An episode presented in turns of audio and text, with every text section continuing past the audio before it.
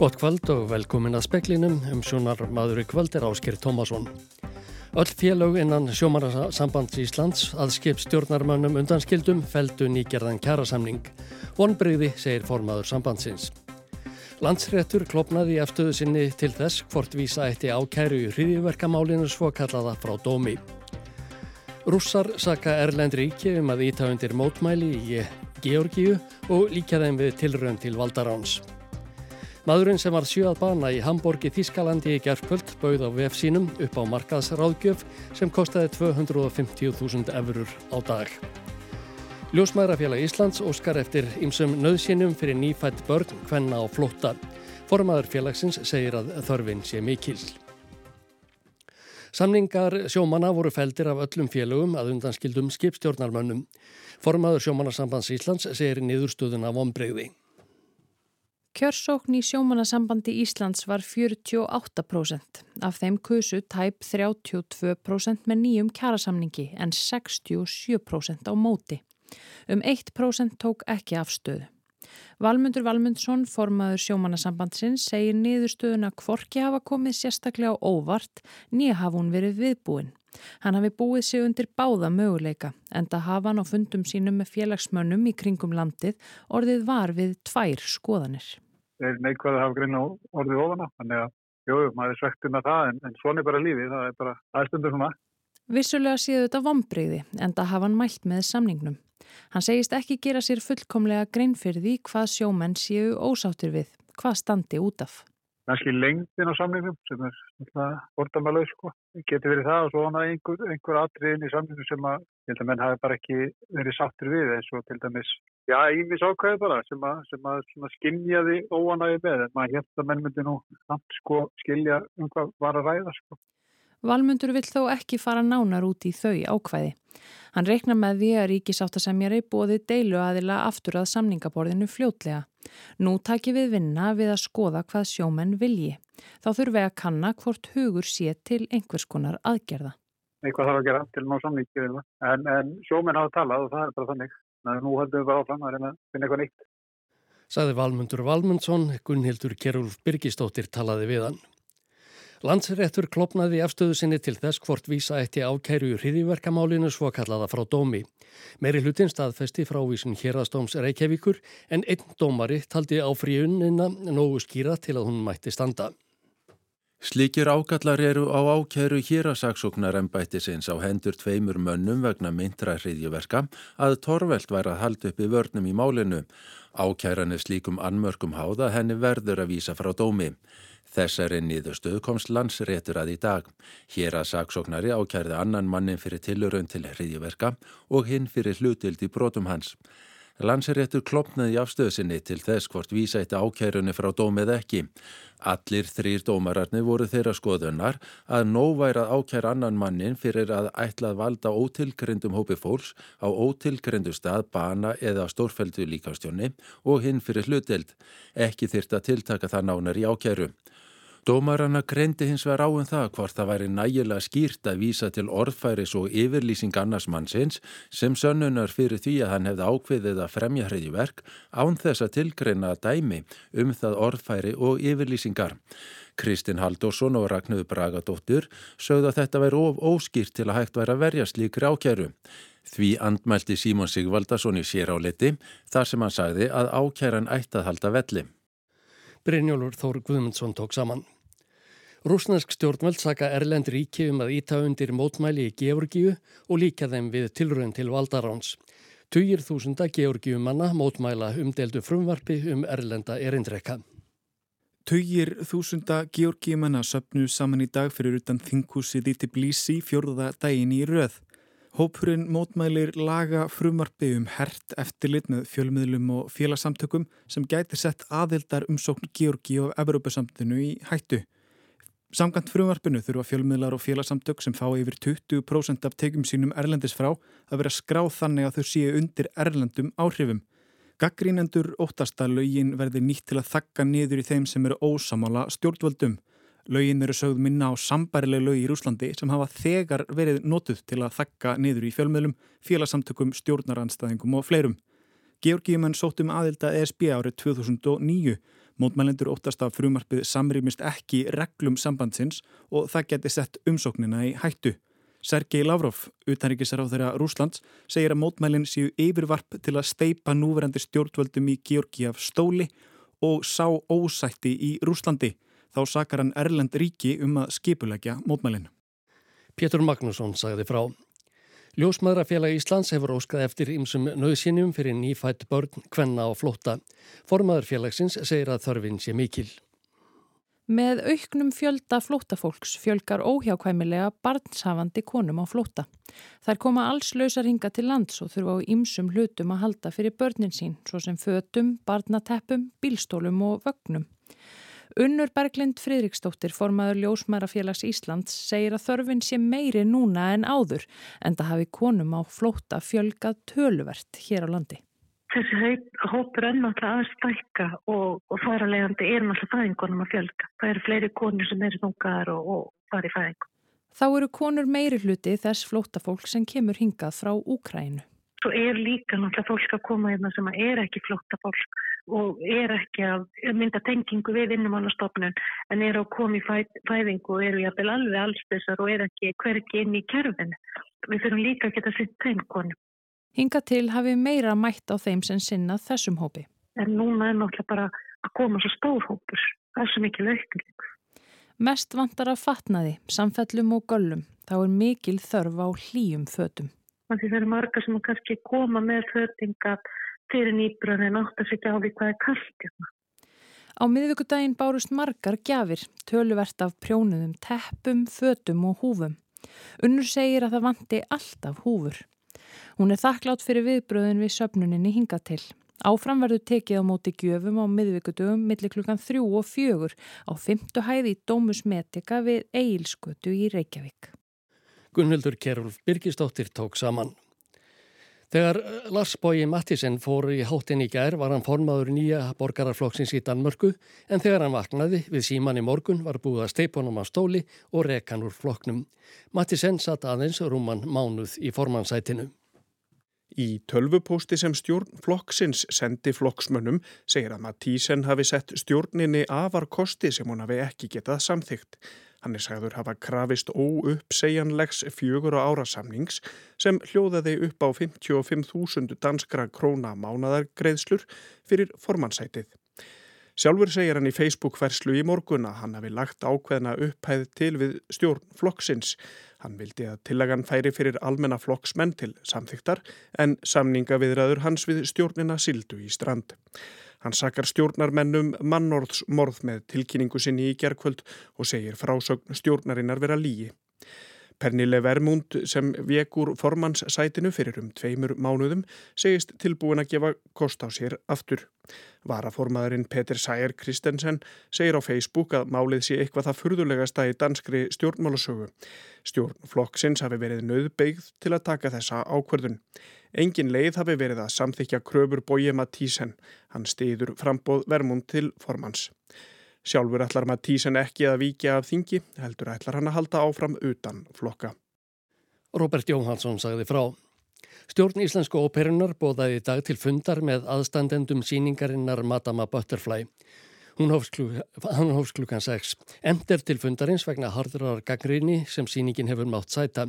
Ímsir til að mynda fólk af asískum uppruna hafa sagt hana stunda menningar nám. Viggo Kristjánsson, landslýsmaður í handbólta, segir leikmenn Íslands staðránaði að sína hvað í þeim býr gegn tekkum í Lóðardalsöll á sunnudag í undankeppni EM eftir fimm marka tap fyrir þeim í fyrrakvöld 22.17. Líðið var harðilega gaggrínt fyrir eftir þann leik.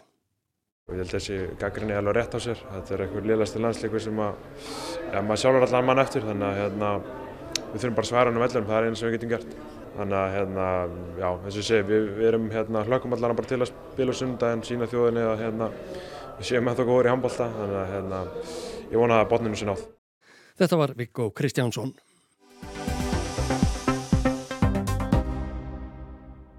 Þjóðverjum og sérilagi íbúum Hamburgar er brúðið eftir skotárás í borginni í gerkvöld. Hálfertugur maður braut sér leið inn á sapnaðarfund Votta Jehova í Grós Bortsel hverfinu í norður hluta borgarinnar og skaut þar sjö manns til bana áður en hann svifti sig lífi. Ungur íbúi í hverfinu, Gregor Mýbach eða nafni, varð vittni að voðaverkinu. Hann sagðist í viðtali við RTL sjónvarpstöðina hafa herti bissukvelli uppur klukka nýju í gerkvöld. Hann fór út í glugga til að forvitnast um hvað gengi á og sá þá mann með bissu skjóta gegnum glugga á fyrstu hæð kirkjunar. Ja, ich habe selber erstmal gar nicht realisiert, was da gerade genau passiert. Ähm, da habe ich das mit meinem Handy gefilmt und durch den Zoom Ég áttaði mig fyrst ekkert á því hvað gekk á, svo ég greip síman minn, stilti á upptöku og summaði að glugganum. Þá sá ég að maður var að skjóta innumann, saði Gregor Mýbach. Hann hjælti fyrstu að einhver væri að gera att, en áttaði sér fljótlega á að fólk hlautað vera í lífshættu. Hann ákvað því að ringja í loðregluna. Ich wollte die Polizei äh, gerade anrufen, da kam schon hunderte an Polizeiwegen äh, zu dem Tatort und haben großräumig äh, die Fläche abgesperrt und sind mit Polizeibeamten in das Gebäude reingestürmt. Þegar ég ætlaði að fara að ringja byrtust allt í einu hundruðu lauruglubíla, stóru svæði var lokað af og lauruglumenn fóru inn í húsið, saði Gregor Mýbach. Hann taldi sig hafa hirt um það byrj 25 bessu skott meðan á árásinni stóð. Eftir að lauruglumenn brutu sér leiðin í kirkjuna heyrðist ekkert en að 5 mínútum liðnum heyrðan eitt skott til viðbótar. Fyrst eftir árásina var ekki ljóst hvort sá sem hanna gerði hefði sloppið út áður en lauröglan riðast til ingöngu. Þar af leiðandi voru íbúar í grendinni beðinir að halda sig innan dyrra. Nokkru síðar var greint frá því að átta hefðu fallið. Árásarmadurinn var líklega þeirra á meðal. Nokkrir eh, voru sagðir hafa særst, sumir alvarlega. Lóreglann beindið því til fólks að vera ekki með neinar getkátur um voðaverkið á samfélagsmiðlum. Nánari upplýsingar eruðu gefnar þegar þær er læju fyrir.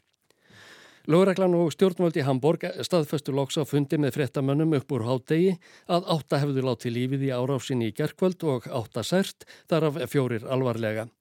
Andi Gróte, innanríkisráþera í Hamburg, sagði að árásarmadurinn hefði flúið upp á aðra hæði í húsinu þar sem hann svifti sig lífi. Já, framt greinda frá því að ófætt barn væri meðal hinn að látnu.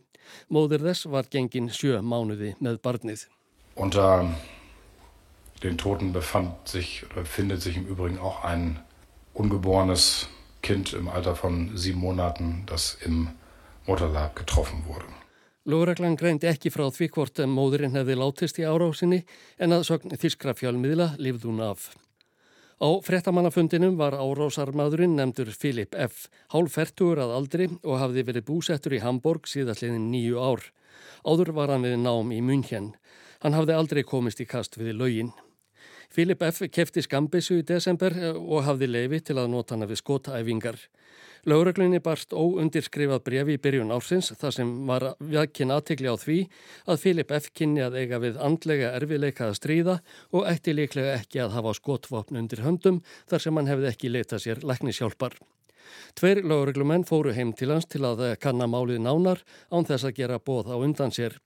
Þeir fundu skambisuna tryggilega gemda í öryggishólfi. Ekkert töldu þeir benda til andlegra veikinda og Filip F. svaraði öllum spurningum þeirra greiðilega. Því var ekkert aðhafst frekar. Á frettamannafundinum í dag kom fram að Filip F. hefði verið í söpnuði Votta Jehova en yfirgefið hann fyrir áttján mánuðum. Bei Philipp F. handelt es sich um ein ehemaliges Mitglied dieser Gemeinde, der Zeugen Jehovas, welches die Gemeinde vor etwa anderthalb Jahren freiwillig, aber offenbar nicht im Guten verlassen hat. Filip F. var í söpnuði Votta Jehova þar til hann hætti í jónum fyrir hálfu öðru ári af fúsum og frjálsum vilja en viðskilnaðurinn var ekki í góðu, segði Tómas Ratsuvat, yfirmaður öryggismála í Hamburg á frettamannafundinum í dag. Hann hvað almenna lauruglumenn og sérsveitarmenn hafa sínt fumlaus vinnubröð og mikið hugrekki þegar þeir brutu sér leið inn í kirkjuvottana í gerkvöld.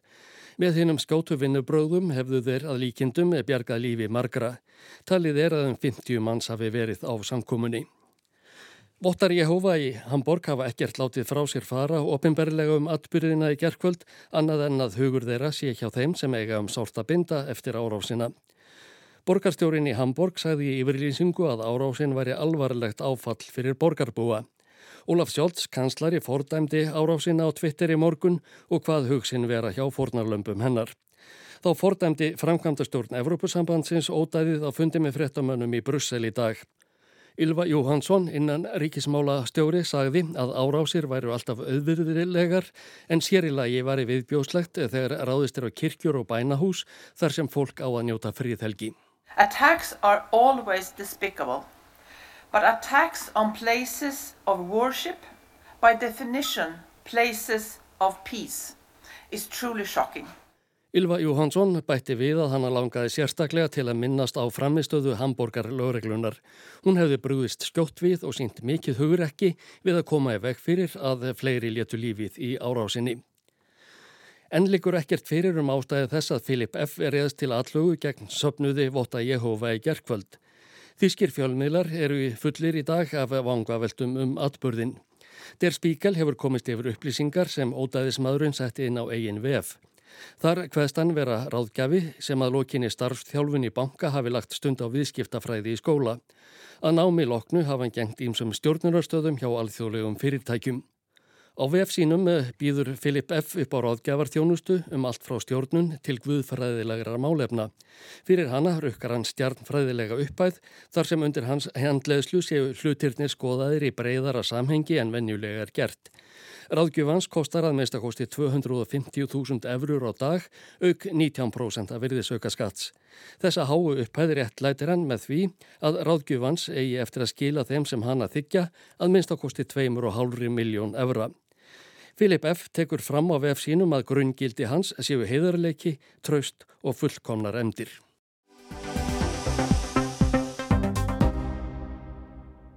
Það hefur löngum verið sagt um þjóðveri að þeir elski bílana sína og það kom bærilega í ljós í síðustu viku þegar Þísk stjórnveld stöðuðu nýja lagasetningu Evrópusambandsins sem gengur út á að banna sölu bíla sem ganga fyrir bensíni og dísil.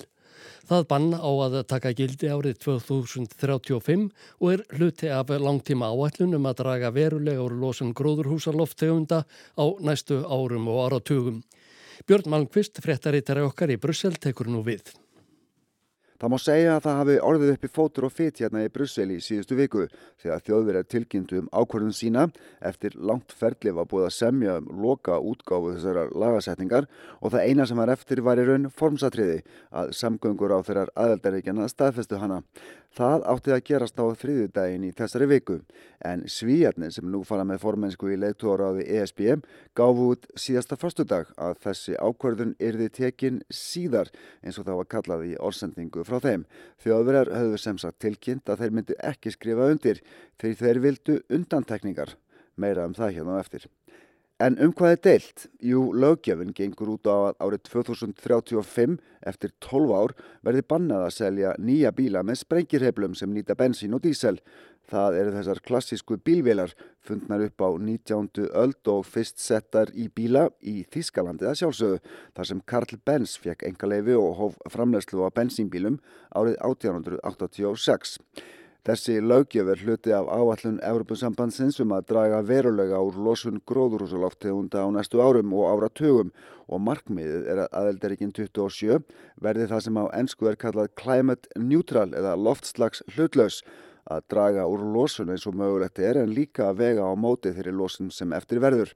Þessari langtíma áallun er skipt upp og hluti af henni kallast Fit for 55 tilbúin í 55 sem vísar til þess að árið 2030 eftir 7 ár verði búið að skera niður um 55% í losun gróðurhúsaloftegunda.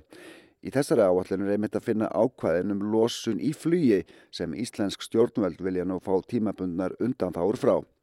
En aftur af bílunum og þjóðverjum, stjórnvöld í Berlín eru sem sagt reynda ekki sátt við bannið og vilja fá inn ákvæðum að það verði áframhægt að framleiða og selja bíla með sprengi reblum, svo lengi sem þeir nota eldsneiti sem framleitt er úr gerfiefnum, stundum kallað e-fuel á ennsku.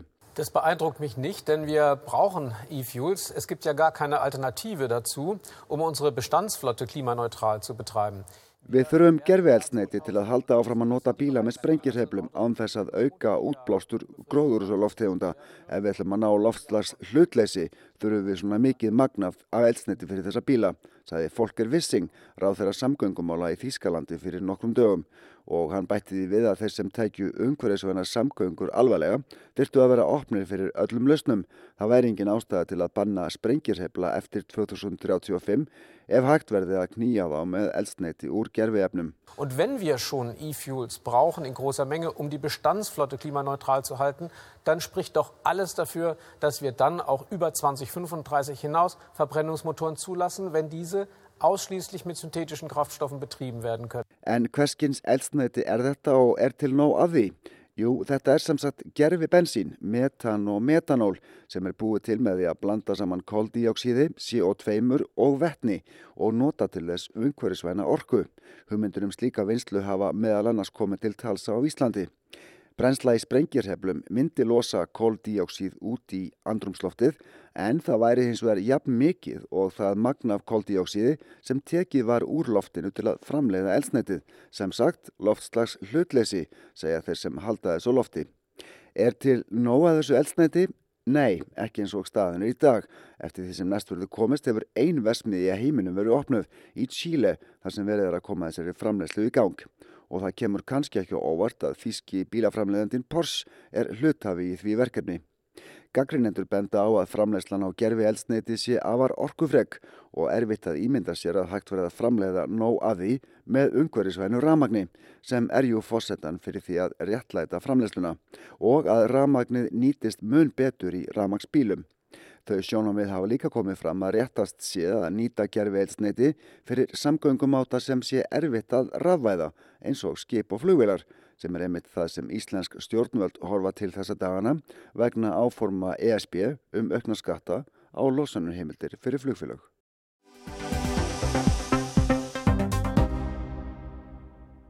Fyrir 90 árum árið 1933 byrjaði ítalski álverkamæðurinn Alfonso Bialetti að selja kaffikonnu úr áli. Kannan samanstóða tveimur hlutum sem staplað var hvorum ofan á annan með kaffisíu í miðjunni. Vatni var held í neðra hólfið og þegar kannan var sett yfir hitta og vatnið byrjaði að sjóða þrýstist gufan upp í gegnum síuna og kaffi sapnaðist fyrir í efra hólfinu.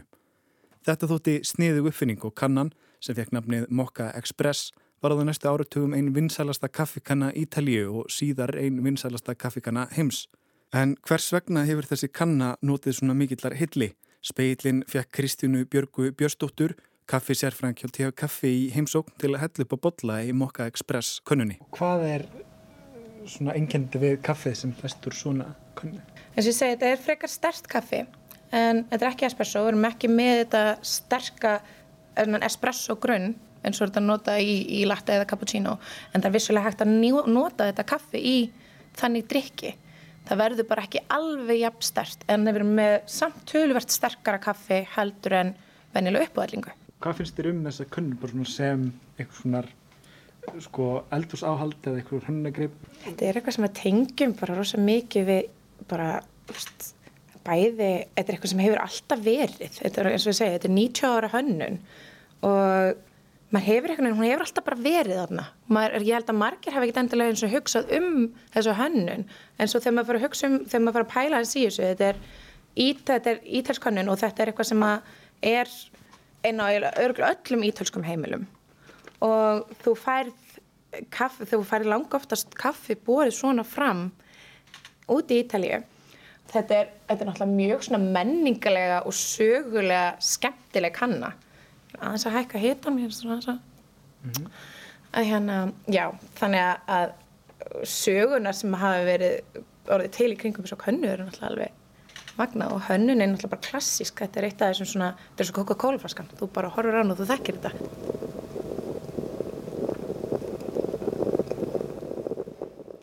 Þetta átt að vera kaffikannar til heimlisnota og, og hans svona drömu var að færa, færa kaffi, kaffihúsi, kaffibarn eins og kallaðir eða kaffihúsin heim eða kaffihúsa kaffið heim á heimili fólksins og það er líka, það er líka sko þetta, hérna, það voru eiginlega alveg kallnær sem drukku kaffi út á, á kaffihúsunum og, og þarna byrja konur, þetta kaffi heima Þetta er Elisabeth Ingvarstóttir, hönnunar, sakfræðingur og kennari við Listaháskóli Íslands. Sko ef við ætlum að reyna að staðsetja hann einhver, einhver stað í, í hérna hönnursögunni eins og oft getum við hluti þá, þá er kannan alltaf staðsetja á einhverjum eh, ákunnum stað og það er allt ekko tímabilið, hún er gert 1933 en, en það er kannski endilega rétt að því að, að ef við ætlum að skoða hann út frá hönnursögunni þá, þá er svo margt Eh, hægt að rýna í að því hönnasaðan er í rauninni, hún er tverrfalleg, eh, tverrfalleg fræðigrein og, og hérna,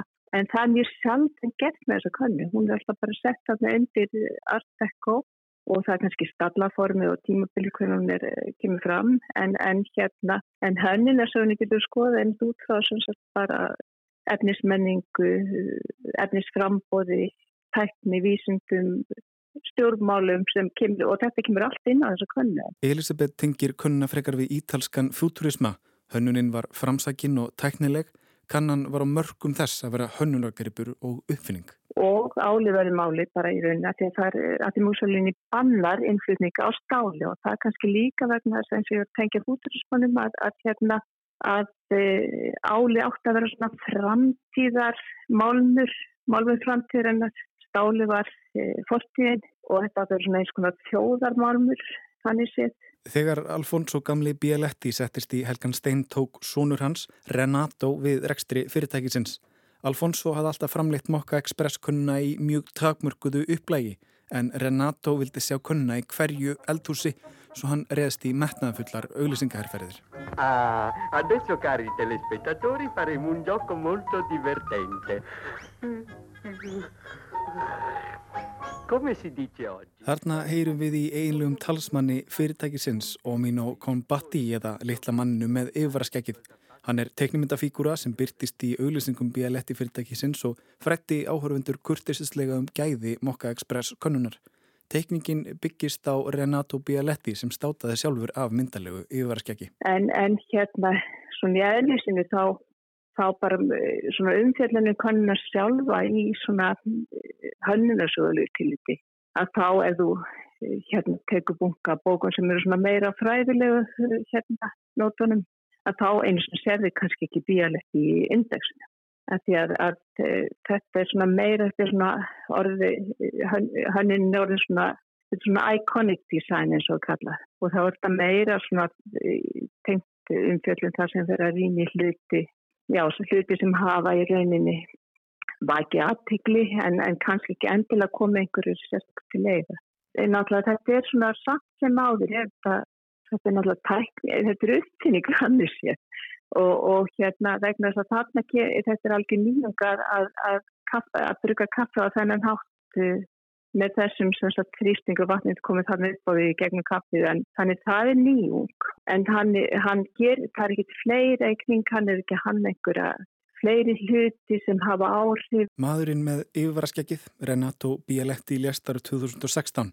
Arflið hans var heiðuruðum með nokkuð sérstæðum en enga síður viðegandi hætti. Ösku hans var komið fyrir í stóri Mokka Express könnu og grafin í henni. Bialetti skildi eftir sig hnygnandi kaffikonnuveldi. Aðeins tveimur árum eftir andlót hans rampaði Bialetti fyrirtækið á barmi Gjaldróts. Þó er ekki öll nótt úti en vinsaldir kaffikonnunar hafa aukist á síðust árum og lítur ekki út fyrir að Omino El Bappi hverfi úr eldhúsillum í bráð. Caffettiera Mocha Express, prodotta da Bialetti a Crusinallo nella più grande fabbrica di caffettiere espresso per famiglia. Caffettiera Mocha Express. Pétur Magnússon tók saman og talaði við Kristínu Björgu Björnstóttur og Elisabeth Ingvarstóttur. Veðurhorfur næsta sólaring, norðlæg átt 5-15 metrar á sekundu, kvassast úti við austurströndina. Jél á norðurhelmingi landsins en viða létt skiða sunnan heiða. Frost 6-16 stig, kaldast norðaustan til.